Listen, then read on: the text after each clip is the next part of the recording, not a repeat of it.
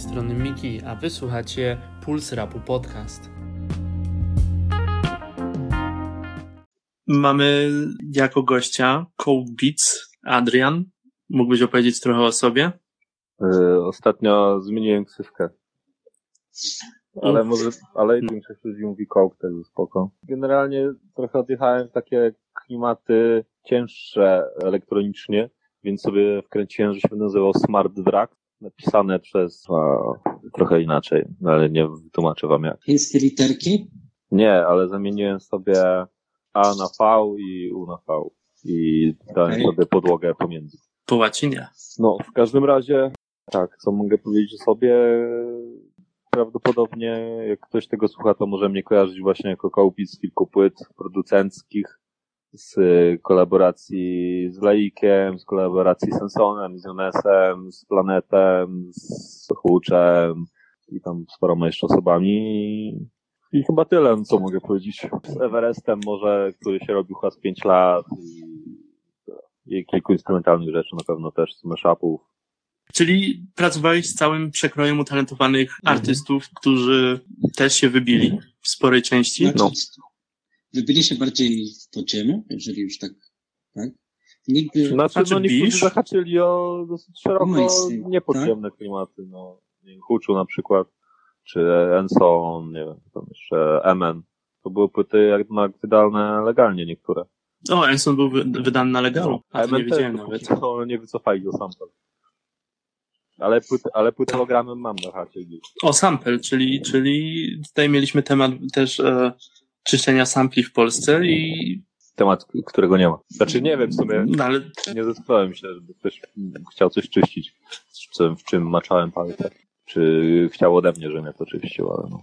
Ale miałeś jakąś umowę na zasadzie, że sprzedajesz i odstępujesz wszelkie prawa i co złego to nie ty? Że w razie jakby ktoś przyszedł i powiedział, nie, ten, ten sample, musimy wycofać płytę i chce jeszcze odszkodowanie, no to żeby nie było, nie ciągnęło się do ciebie? Yy, mm, przemilczę to, bo nie wiem, czy skarbówka mnie wiedzie na chatę zaraz. Okej, Ale nie, okej. nie no, żartuję, nie miałem. Nieodpłatne, nieodpłatne odstąpienie praw autorskich. Miałem nie, nieformalne umowy, może tak. Rozumiem, rozumiem. Dżen- Dżentelmeńskie. O tak. To w sumie najlepszy komentarz do tego, jak, jak działa przemysł muzyczny z, perspek- z perspektywy producenta w Polsce. Mam powiedzieć, jak działa według mnie? Proszę. Yy, słabo. Dlaczego? E, jak działa przemysł, tak? Po prostu większość ludzi jednak chce po prostu kojarzyć ksywki raperów, chce, tak jak już wcześniej poza anteną rozmawialiśmy, wspomniałem, że o, chce kojarzyć jakiś tekst, który może sobie wrzucić na walla na, na Facebooku, a pomijany gdzieś tam ten producent jest, tak mi się wydaje. Um, a jednak myślę, że większość e, roboty tak naprawdę w tym, żeby ten numer bujał, żeby e, był jakoś zapamiętywalny, jest w gestii producenta, co nie powinno być pomijane. A czemu tak to działa w Polsce? Bo w Stanach na przykład to jest troszkę inaczej, tak? Są te tagi producentów, które teraz ostatnio stały się bardzo popularne i bardzo dużo osób zwraca uwagę na to, kto jest, kto produkuje beat po prostu, tak? Słyszy tak swojego Mhm. ulubionego beatmakera i wie, czego może się spodziewać i zwraca na to uwagę. Czemu w Polsce słuchacze nie zwracają na to uwagi? E, Myślę, że może to być po części wina producentów, dlatego że mało który stara się e, wykreować sobie jakąś markę i być na tyle, na tyle charakterystyczny w tym, co robi, żeby być kojarzony jakoś. E, Oczywiście kilka osób, gdzie kojarzysz, których kojarzysz, nie wiem, Dimza czy a, Graczyka, pomijając tam jakieś krzywe kwestie, że jednak ktoś widzi Graczyk, to od razu kojarzy, jest mniej więcej wie, czego może się spodziewać. Pomijam oczywiście kwestie umiejętności tych osób, bo tu można e, kolejny podcast nagrać, ale myślę, że większość producentów w Polsce stara się kopiować za bardzo albo naśladować e, jakieś tam wzorce i e, pojawiać się na płytach e, raperów, czy brać udział w kawałkach, niż, niż, niż skupia się na tym, żeby tworzyć jakąś swoją markę osobną. Dlatego też, e, korzystając z tego, że trochę mi się pozmieniały plany e, wydawnicze, czy tam e, płytowe, to będę starał się właśnie o tą swoją markę jednak jakoś zadbać i może uda mi się przełamać to, że że stworzę coś, co będzie kojarzone ze mną i nie będzie tak jak mówicie, że po prostu w Polsce jest to pomijany ten producent jako twórca, jest po prostu gdzieś tam współtwórca, a, a zawsze w pierwszym miejscu jest raper. Też wydaje mi się, że to po części jest też kwestia raperów. Tak. Mhm. Na przykład, jeżeli już mówimy o graczyku, tak, graczyk jest No. rozpoznawalny przez to, że raperzy, z którymi współpracują, zwracają uwagę na to, że współpracują z graczykiem. Tak? Aha, no, Na przykład, tu może być.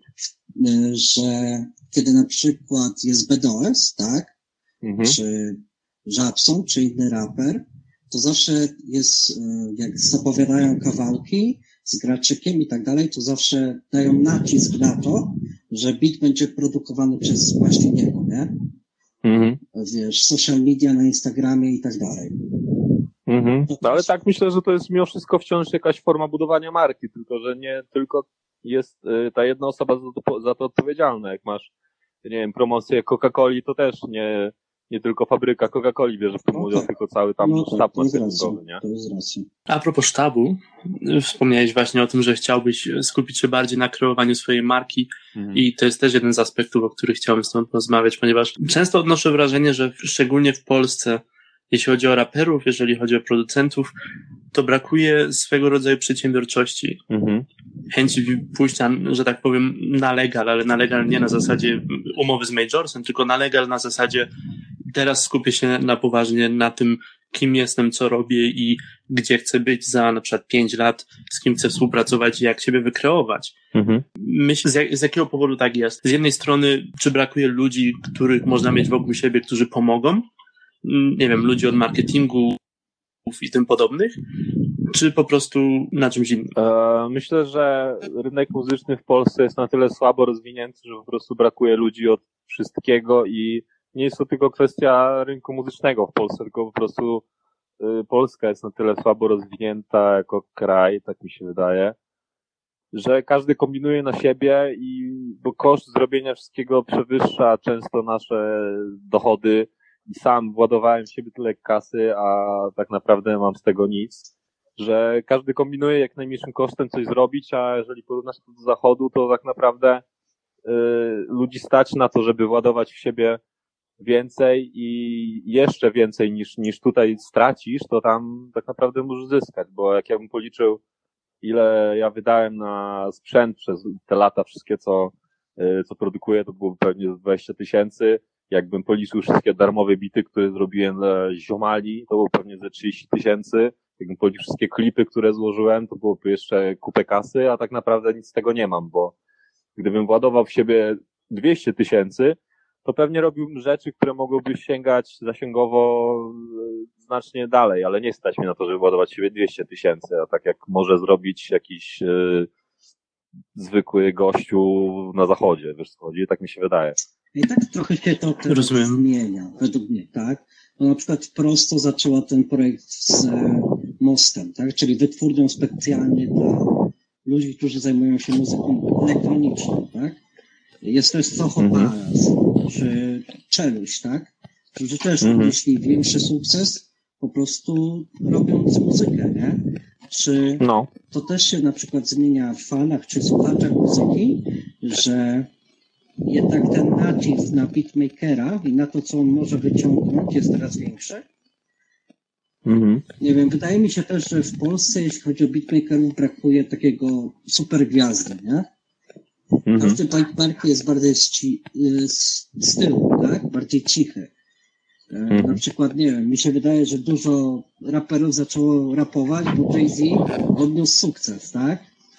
Mhm. E, też brakuje takiej jednej osoby, która pchałaby całą tą, cały ten subkulturę, czy wiesz, producentów bitów do przodu jako, jako wiesz, żeby była to osoba, która przedstawia, jak wyglądać beatmaker w Polsce, który odniósł sukces, nie? No, no, taki lider jakby, No. no, masz rację, to, to, to, jak Timbaland w No, Stanach, no. czy Dr. Dre. No, dokładnie. Brakuje takiej osoby, która, nie wiem, w Mhm. Stanach też mi się wydaje, że często jest beatmaker, który mówi, ok, teraz jest moja kolej, tak? Robi Mhm. jakiś beat, który, wiesz, wszyscy się ja, jarają, nie?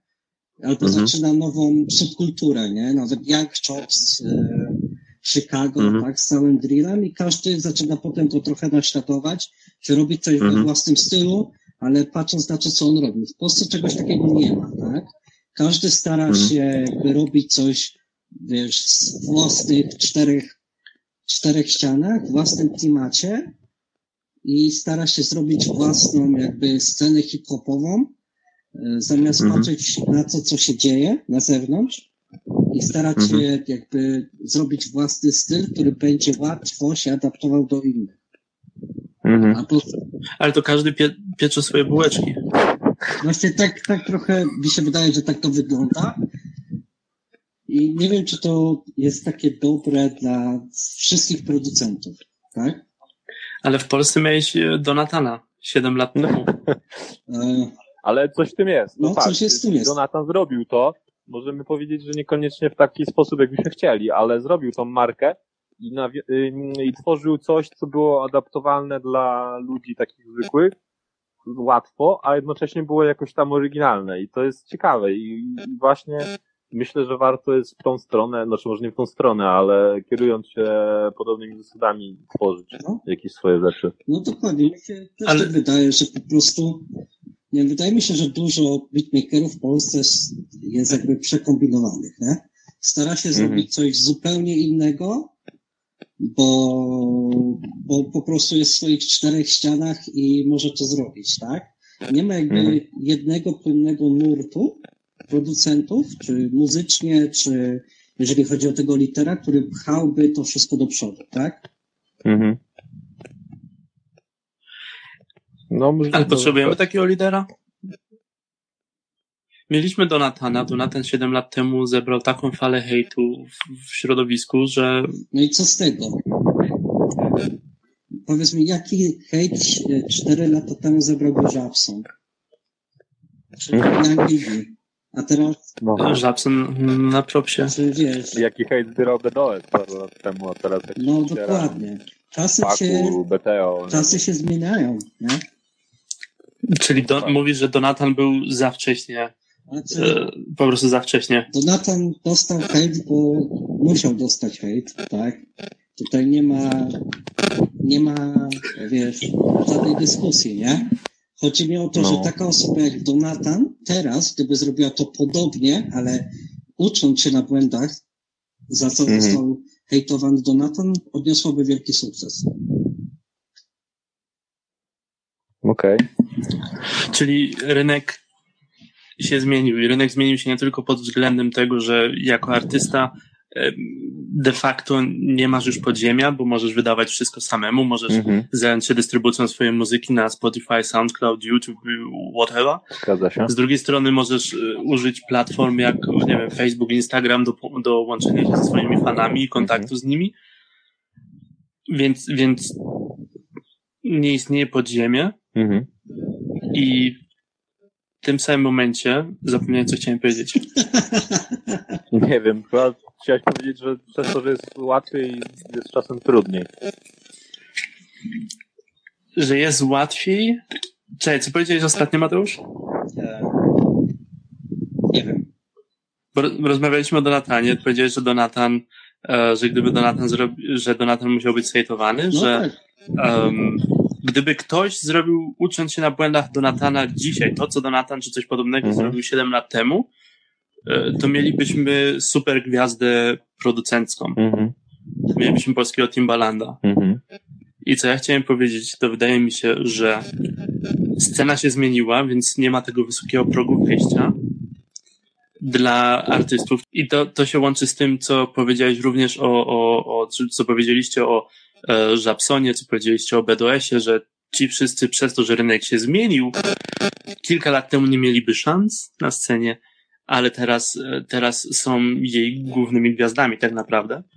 No. Nie no, mi się wydaje, że po prostu jest o wiele łatwiej, jeśli jest raperem, jakby przenieść, e, zdobyć tą więź z Stanami, tak? Jak Young Gigi, BDOS, ktokolwiek, tak?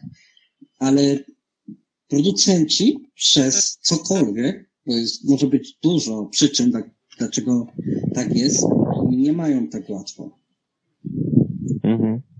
I um, wydaje mi się, że to musi się zmienić, żeby cała ta wszyscy ci producenci mogli po prostu żyć lepiej, tak? To brzmi jak jakieś hasło wyborcze. No trochę. Po prostu wydaje mi się, że bardzo mało producentów na to patrzy, tak?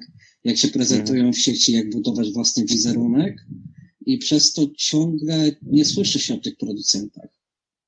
Mhm. Słyszy się tylko o graczyku, bo wiesz, e, pożyczył sample e, od Migmila, tak? Chciałbym powiedzieć, że mhm. tylko tak usłyszałem na portalach społecznościowych. Nie jest to moja własna prywatna opinia. E,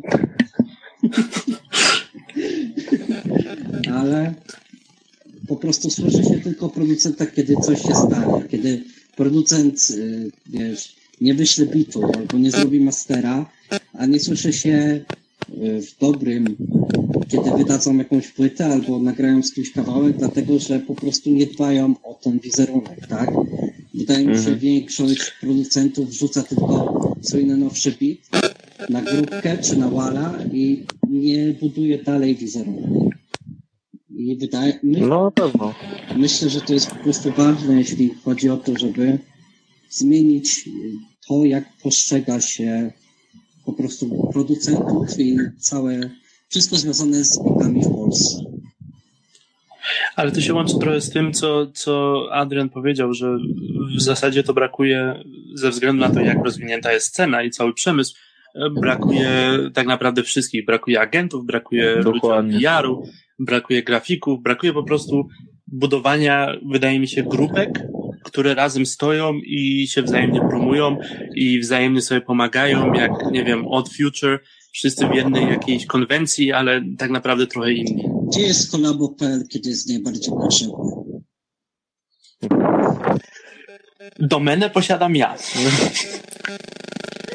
Także domenę kolabo.pl posiadam. Także jeżeli budujecie serwis, to mogę wam ją dać. Nie, ja już zbudowałem jeden serwis, który nie wiem, czy, e, że jest w moim posiadaniu. Mianowicie Jak serwis? Policja bitowa.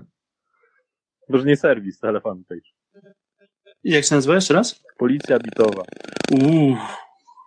Policja bitowa, co? I właśnie to też nawiązując do tego, co mówiłeś wcześniej, że um, że trzeba po prostu więcej uh, zainwestować i w marketing i tak dalej, ale jest to ciężkie na tym, jak wygląda przez, Jezus, zakręciłem się. Jest to ciężkie w sytuacji, kiedy rynek wygląda tak, jak wygląda i mieszkamy w Polsce, to jest dodatkowo ciężkie w momencie, kiedy e, algorytmy Instagrama czy Facebooka nie pomagają też tobie, bo ja prowadząc ten fanpage, który teraz tak trochę podupadł, bo po prostu mi się go nie chce prowadzić, założyłem go sobie dla beki, jak właśnie wynikały te wszystkie akcje, akcje z, z graczykiem i tak dalej, czy tam z innymi ludźmi, kradzione bity, jakieś tam tematy. I tam chyba 6 tysięcy fanów teraz jest.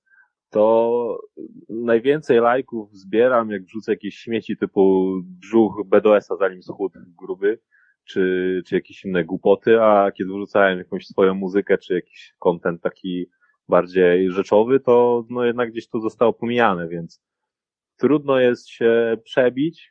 Może to do końca nie było mądre, kiedy budujesz fanbase na, na śmieszkowaniu i chcesz jakąś swoją normalną muzykę, normalne rzeczy puszczać, ale po prostu ciężko jest um, przebić się teraz, kiedy tak naprawdę nie wiesz, co masz robić, żeby się przebić, bo nawet jest coś takiego, co się niedawno dowiedziałem, jak Shadow Ban na Instagramie, gdzie kiedy wrzucasz e, podobny content zbyt często, to liczba twoich tam e, zasięgów zostaje o kilkadziesiąt tam procent e, zmniejszona od tak i nawet o tym nie wiesz, nie?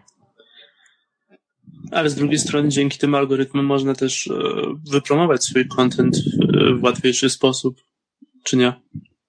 No właśnie nie wiem, bo wydaje mi się, że jednak to nie do końca tak skutecznie działa, kiedy chcesz. Nie wiesz do końca, co masz zrobić, bo wszystko jest tak bardzo niejasne. Nawet mm, zasady YouTube'a, co narusza, e, zasady tam fair use, czy jakiegoś dobrego życia z użytkownikami, kiedy nagrałem jakąś parodię że um, porwanie tam y, jednego z raperów, który kradł bity, to po prostu zostało usunięte, że jest zbyt wulgarne i tak dalej, a tak naprawdę było po prostu żartem, nie? A z innej strony masz filmy, gdzie gościu jakieś robi naprawdę bardzo dziwne rzeczy i to wszystko jest normalnie na YouTubie i, i nie jest usuwane. Także nie bardzo wiem, co robić, a czego nie można robić, żeby zostało coś pominięte albo nie pominięte, bo po prostu są niejasne zasady. Tak samo jest na Instagramie, tak samo jest na Facebooku i, i tak samo nie wiesz, gdzie iść z tą muzyką, bo ludzie też są różni, nie? Czyli Tak mi się wydaje. tu jest jakby a, wyłania się taki argument, jeśli masz opcję dołączenia do labelu czy wytwórni, to zwróć, Mhm. najważniejszy jest ich zespół social media Mhm. i zespół marketingu. Bo jeśli chodzi o logistykę wydania płyt i na tak dalej, to teraz to nie jest trudne, tak? Ale bez social media, bez marketingu, który jest naprawdę zaawansowany na wysokim poziomie, masz o wiele trudniej niż y, artysta bez tego.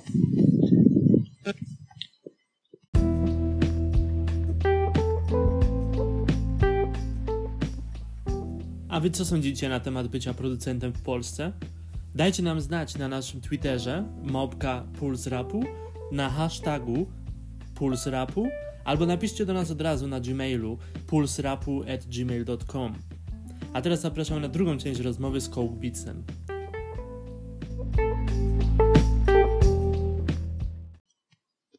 No racja. Wydawanie płyt jest tak proste w sumie, płyt czy utworów i dystrybu- ich dystrybucja do różnych platform jest tak prosta, że mieliśmy swego czasu e, wspólnie z Mateuszem rozmowę z, z pewną firmą z Hiszpanii, która e, robi swoją, swój, swój software do tego, żeby, żebyś ty czy ja, żebyśmy mogli otworzyć swój taki e, gateway czy dystrybutora em, muzyki na iTunes, Spotify, te wszystkie gdzieś chyba 100 różnych platform, w tym Mhm. również YouTube. Um, I sprzedawali to po bardzo niskiej cenie. Więc jeżeli istnieją takie, tak, istnieje coś takiego, no to również istnieją inne, e, oczywiście inne tańsze opcje, bo to jest po prostu agregator. E, To tak, taka mała dygresja. Okej. Ale jeżeli chodzi o wrzucanie, o siebie, promowanie siebie i wrzucanie utworów i swoją prezencję online, Mhm. to pamiętam, że 7 lat temu, gdzieś około 7 lat temu, powstało kolabo.pl, ta platforma społecznościowa, która łączyła Mhm. właśnie artystów, producentów, DJ i, i, i menedżerów i grafików. I ta platforma niestety po jakimś czasie upadła, ale pamiętam, że była to bardzo dobra platforma, dzięki której właśnie poznałem Ciebie, poznałem, em, poznałem wielu innych producentów, którzy dzisiaj są tak naprawdę w polskim mainstreamie, którzy wtedy zaczynali i obrali Mhm. różne ścieżki kariery. I myślisz, że brakuje takiej platformy, gdzie wszyscy z wszystkich stron tego przemysłu by się spotykali? Czy Być da się może. wszystko załatwić przez facebookowe grupki, jak to teraz się odbywa? Być może, no fakt, że to było dosyć dawno temu, gdzie to wszystko było znacznie słabiej rozwinięte, ale też fakt, że tak jak mówisz, to dobrze się przyjęło i fajnie to działało. Być może coś takiego przydałoby się dzisiaj, bo jednak duży zasięg jest, jeżeli chodzi o dostęp do rzeczy przez te grupki czy fanpage'e, um, to, to myślę, że jest też duży przemiał, bo bardzo dużo użyt- użytkowników jest, dużo jest wrzucanych tych rzeczy No i te wszystkie I- grupki też po prostu, się robi bałagan. wszystkie te grupki, te posty też po prostu działają na podstawie tego algorytmu Facebooka, tak? No właśnie, dokładnie. który pokazuje niektórym te posty, a inne te posty, nie? Tak.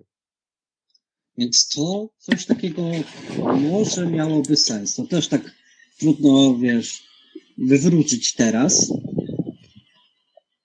Też nie wiadomo, czy teraz ludzie byliby tym zainteresowani tak, jak byli 7 lat temu, nie?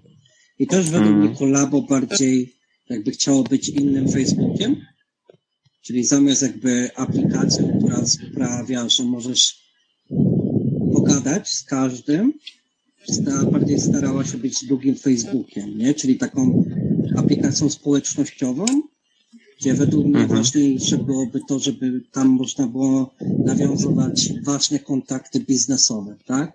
Czyli nie wrzucaj Mhm. wszystkich do jednej puli, ale jeżeli szukasz kogoś z marketingu czy grafiki, to możesz iść tam albo tam, nie? Mhm.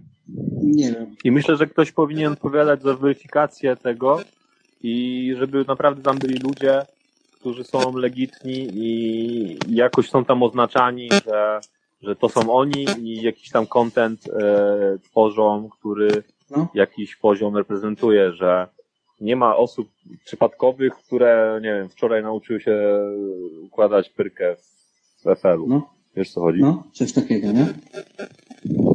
Coś takiego.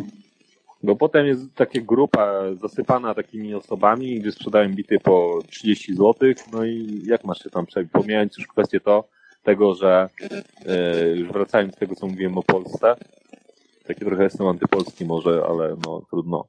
A jak ja bym chciał wycenić swój bit i napisałbym, że go sprzedam za 500 zł albo za 1000 zł, to kto mi go w Polsce kupi tak naprawdę?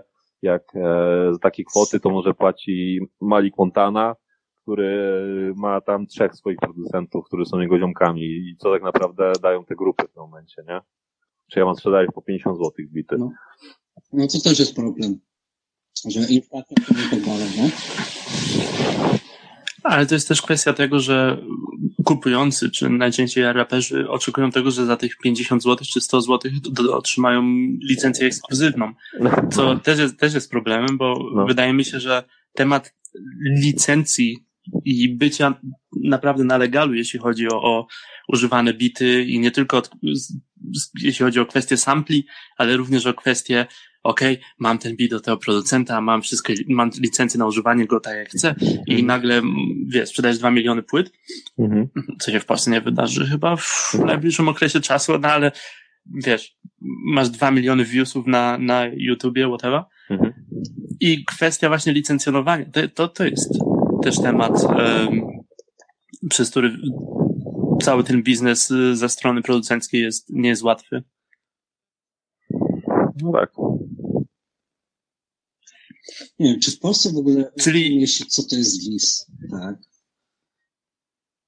To też jest dobre pytanie. Czy raperzy rozumieją, co to jest WIS?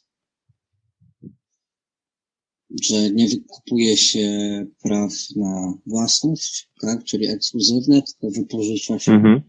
dany bit. I beatmaker nadal może go sprzedawać innym artystom. Nie wiem, a to funkcjonuje w ogóle w Polsce? Właśnie nie mam pojęcia. Bo Bo ogólnie jakby to- zasada to jasne, że, że coś takiego e, miałby rację bytu, tylko że wydaje mi się, że przeważnie jest tak, że po prostu ktoś wpisuje na YouTubie type beat i sobie pobiera i nagrywa pod to kawałek. Nawet spotkałem się z taką kuriozalną sytuacją, gdzie gościu nagrał e, kilka kawałków pod takie w cudzysłowie darmowe bity z YouTube'a i e, dostał potem kontrakt w jednej z największych wytwórni w Polsce. Mam nadzieję, że mogę to powiedzieć, ale dobra, mniejsza z tym. A, I potem była sytuacja, że um, musieli zapłacić jakąś chorą kwotę za, za te bity, bo kawałki były już e, zrobione pod te darmowe bity, ale gościu nie miał licencji, bo to nie były wcale darmowe bity, prawda? Mhm. a oni już tam nakręcili klipy gdzieś, gdzieś w jakichś ciepłych krajach i w ogóle. No i nikt nie chciał tego zremiksować, więc gościu musiał, znaczy gościu musiał, wytwórnia musiała zapłacić tam kilka chyba tysięcy za te bity.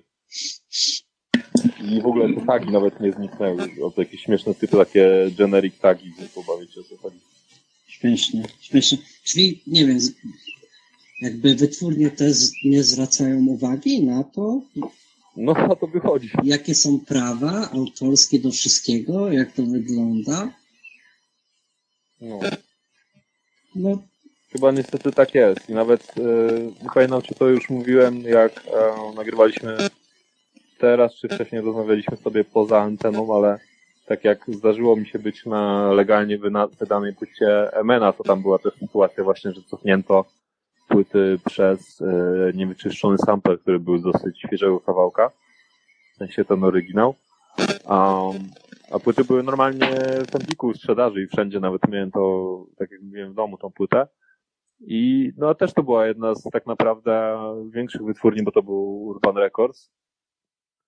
A, no i też czegoś takiego nie dopatrzyli, a ten sample był tam perfidny, szczerze mówiąc, więc nie wiem, nikt tego chyba po prostu w tym kraju nie sprawdza jakoś skutecznie i to jest też nawiązanie do tego, co mówiliśmy wcześniej, że po prostu brakuje ludzi od wszystkiego, bo brakuje funduszy na to, żeby byli ludzie od wszystkiego. Więc powinien być w każdej wytwórni ktoś, kto słucha od deski do deski te płyty, zna jakąś tam, e, jakiś tam zakres utworów różnych i kojarzy ogólnie, co z czego może być, robi jakiś research i sprawdza po prostu, czy to jest czyste, czy to nie jest czyste, czy to jest zagrane, czy to jest ukradzione.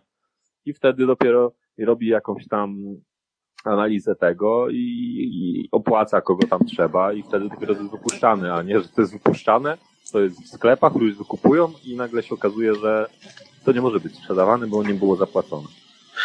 Ale jak um, idziesz do ZAX-u i mówisz, tu jest mój utwór, chciałbym za niego tantiemy, to nie mhm. musisz czasami donieść e, nut? Musisz. No, to po prostu przepisujesz ten beat i sample na nuty. No to, że też jest dedykacja, nie? No płacisz jakiemuś człowiekowi, wiesz, szkole muzycznej pięć dyszek i masz. Albo, albo mówisz, że przelejesz za tydzień. Tak. Jak z bitami. To też są teraz, zawsze... Teraz jest y, wymówka taka, która gdzieś mi się tam często e, pojawia. Mama mi jednak nie pozwoliła. Serio? No. A tego nie widziałem jeszcze na grupach, ale na grupach najczęściej było zawsze, no stary, e, wyślę ci jak, e, jak wypłata dojdzie. No. Pół roku później ghosting. No fajnie. Mm. Ale, czyli tak naprawdę podsumowując trochę, mhm. brakuje w Polsce infrastruktury i brakuje mhm. ludzi od wszystkiego. Brakuje pojęcia przedsiębiorczości wśród większości czy producentów, czy osób związanych z tym środowiskiem, mhm. ale również czego brakuje, to po prostu infrastruktury. Tak. I tutaj pojawia się problem, o którym zdecydowanie jeszcze nie mówiłem, rozmawialiśmy wcześniej, że problem będzie z tą infrastrukturą w klimacie takiej muzyki, którą tworzą raperzy, którzy są tacy, jacy są, że po prostu ciężko się z nimi pracuje, bo przeważnie swoją twórczość opierają na tym, że mają zajawkę na zrobienie czegoś, a tak naprawdę kończy się to na tej zajawce i na niczym więcej, albo e, tak jak mówiłem też, mają manię mm, perfekcyjności i po prostu szlifują coś do takiego stopnia, że też to nigdy nie wychodzi, tylko kończy się na szlifowaniu, że jeden album wychodzi pięć lat, ludzie już dawno zapominają o tej ksywce i takich przypadków było tak naprawdę dziesiątki w polskim rapie, więc myślę, że jeżeli chce się być dobrym producentem, to trzeba po prostu przestać współpracować z raperami.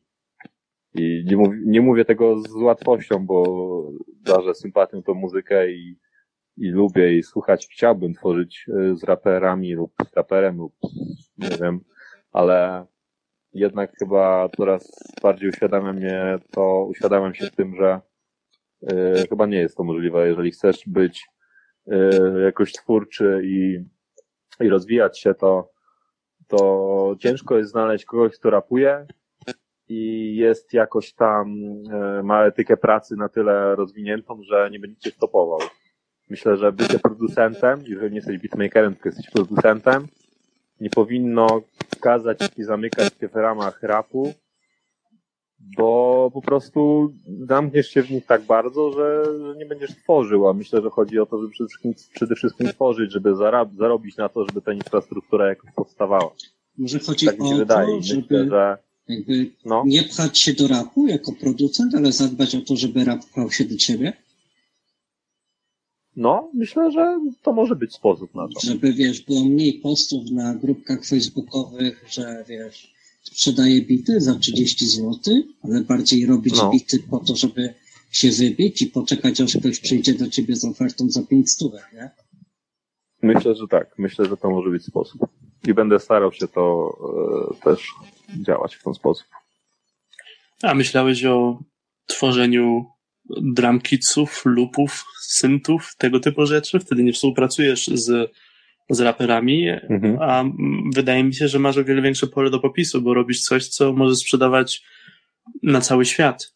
Jeśli chodzi o zarobki, to myślę, że no oczywiście nie w Polsce, bo w Polsce Pirate Bay, każdy by sobie ściągał to, ale ogólnie to mogło być to opcją na zarobek, ale jednak za bardzo sobie cenię mm, swoją twórczość i to, co wkładam od siebie w to, że nie chciałbym, żeby jacyś um, przypadkowi ludzie mogli czerpać na tym, z tego i um, tworzyć coś swojego, wiesz co chodzi? Chciałbym jednak brać w tym udział. Właśnie nasz kolejny gość, z którym będziemy rozmawiać w sobotę, mhm. um, zaczął w tym samym czasie co my, czy w podobnym czasie i obrał inną ścieżkę kariery i przestał w pewnym momencie tylko współpracować z, z raperami, czy w ogóle skupił się tak naprawdę na tworzeniu drum kitów, e, syntów, lupów i tego typu rzeczy mhm. i wydaje mi się to być też ba być bardzo dobrą opcją, szczególnie, że wtedy nie jest się na łasce raperów, którzy z jednej strony robią to z zajawki, a z drugiej strony może nie mają tej etyki pracy. Um, I też może być sposobem na wykreowanie swojej marki. No, no, myślę, że może być. Nie wiem, czy w Polsce, ale ogólnie na pewno jest to ciekawą opcją, ale jednak jeżeli chodzi o mnie, ja miałbym zbyt duży ból po prostu, gdyby po prostu potem taki Michał Graczyk ściągnął mojego lupa, zrobił na tym beat, dodając tam 808 i, i tyle. I tak naprawdę był podpisany Michał Graczyk. No ale w, w ten sposób e, częściowo powstał beat na do Tom Ford, mm. Jay-Z, na polskim lupie nawet. No zgadza się. No, mnóstwo jest takich e, sytuacji i tak naprawdę wszyscy wiemy, że liczy się efekt końcowy, ale jednak jak bierzesz w tym udział, no nie wiem, ja osobiście nie chciałbym, zawsze byłem przeciwny, dlatego też nie sprzedawałem za dużo bitów, bo wiedziałem, że musiałbym poświęcić raz, że kwotę, a dwa, że to, do kogo by to trafiło, więc e, nie ma zbyt wiele mojej muzyki dostępnej jak na tyle lat tak naprawdę stażu. No nie wiem, zawsze chciałem, żeby było cząstka mnie w tym, a musiałem coś poświęcić i um, nie wiem, nie chciałbym po prostu tak, ale, ale rozumiem, jeżeli ktoś obiera taką ścieżkę kariery i czuje się z tym spoko, no to jak najbardziej. A co sądzisz w ogóle o tym, że na przykład Timbaland robi beat, mhm. bierze lupy, ma dużą bibliotekę, kupuje lupy i tak dalej, składa klocki, robi dobry beat i beat jest na płycie, która, która, który, jest tak naprawdę ten beat beatem w singlu i sprzedaje miliony, miliony, miliony egzemplarzy na całym świecie i i, i czy, czy uważasz, że jako producent powinieneś móc robić coś takiego? Powinieneś być wolny w swojej, że tak powiem, sztuce, że chcesz zrobić, nie wiem, chcesz brać klocki Lego i układać klocki Lego, układać klocki Lego? Czy powinieneś być, rozwijać się bardziej w kierunku jestem instrumentalistą, jestem muzykiem, e, uczyć się teorii muzycz, muzyki, mm. e, grać jak najwięcej samemu i e, starać się iść bardziej w tym, w tym artystycznym kierunku, a nie rzemieślniczym? E, myślę, że z jednej strony nie ma żadnych e, sztywnych zasad, ale z drugiej strony jednak pewne rzeczy wypada, żeby robić zgodnie z jakąś tam sztuką. Nie wiem, nie wyobrażam sobie nie mieć kompletnie słuchu i produkować muzykę, nie potrafić dograć basu, bo się nie słyszy, nie potrafić tworzyć akordów, a produkować coś tam. Wiadomo, że da się tak naprawdę, bo możesz ściągnąć sobie lupa i dograć bębny, tak jak mówiłem, i to może pójść, i to może bujać, to może być dobre, ale nie wiem, myślę, że to jest ciężki temat i każdy przypadek powinien być rozpatrywany indywidualnie, bo bardzo ciężko jest ocenić, e, co jest kreatywne, co nie jest kreatywne, e, co jest inspiracją, co nie jest inspiracją. Tak naprawdę często rzeczy są bardzo minimalistyczne i można powiedzieć, że głupio proste, a są genialne. Tak jak na przykład bity Pharrella Williamsa, czy to w Neptunes, czy to w Nerds. To są często rzeczy, gdzie jest tak naprawdę tylko perkusja i jakiś jeden dźwięk, a to tak masakrycznie buja przez tyle lat już, że jest imponujące. A masz bity, gdzie a, bierze udział cała orkiestra i to też jest piękne. I tak naprawdę co jest jakąś sztywną ramą, myślę, że nic nie jest i I teraz to jest kwestia jakiejś wiedzy i własnego też sumienia tego twórcy. Mm, nie wiem, do pewnej dojrzałości na pewno muzycznej, bo jako mi, e, osoby, która to parę lat jednak już robi, to mnie się po prostu ciężko pewnych rzeczy słucha i na pewne rzeczy patrzy, jak ktoś e, nie, nie ma tej wiedzy kompletnie, a jego rzeczy trafiają. Może to jest jakiś tam ból e, i zazdrość po części, ale myślę, że jakaś tam, jakieś tam minimum powinno, powinno być, ale no nie można też komuś tego narzucić, jednak ma to być jakaś wolna muzyka, ale no nie wiem, ciężki temat bardzo. W jakim kierunku rozwinie się rynek, przemysł muzyczny w Polsce, twoim zdaniem? Nie wiem, będę czekał niecierpliwie i pogadamy za jakiś czas, to, to, to może wtedy skomentujemy za parę lat, ale jak się rozwija ten kraj, to yy, nie wiem. Trzymam kciuki, żeby nie było gorzej. Ale, na, ale jeśli chodzi o ciebie, będziesz rozwijać się w kierunku własnej marki. Tak. Będziesz e, rozwijać wszystko dookoła, również kwestii muzycznej. Po prostu pozycjonować siebie. Tak, Wyprowa wyprowadzam się na wieś, będę w lesie, yy, nagrywał i odnajdywał siebie. I to nie jest beka, bo naprawdę będę to robił. No, to jest piękne. Inni uciekają gdzieś w góry czy, czy w las i wynajmują sobie i robią całe płyty. Jak to płyty wychodzą, wszyscy słyszeliśmy. nie. Ale, ale to jest, to jest fajne. To no. jest coś, coś, czego nie robi każdy.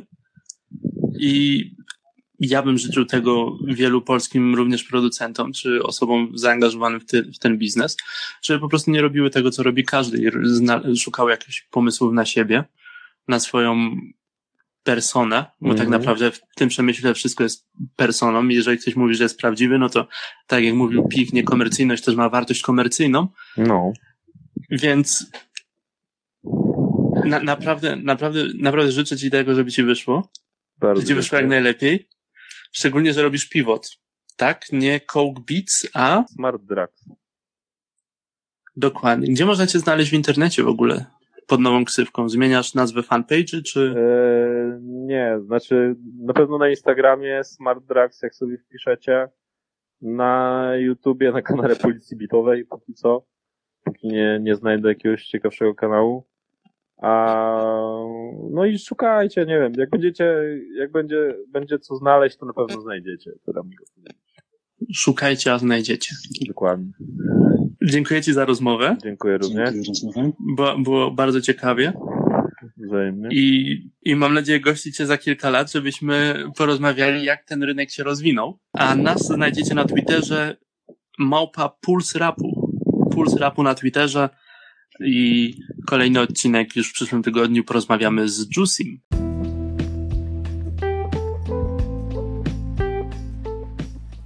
Jeśli chciałbyś się z nami skontaktować, aby podrzucić pomysł na podcast, dać swoje uwagi lub po prostu uczestniczyć w dyskusji, to skontaktuj się z nami na e-mailu pulsrapu@gmail.com, na Twitterze małpka pulsrapu lub po prostu zrób hashtag Puls Rapu na Twitterze.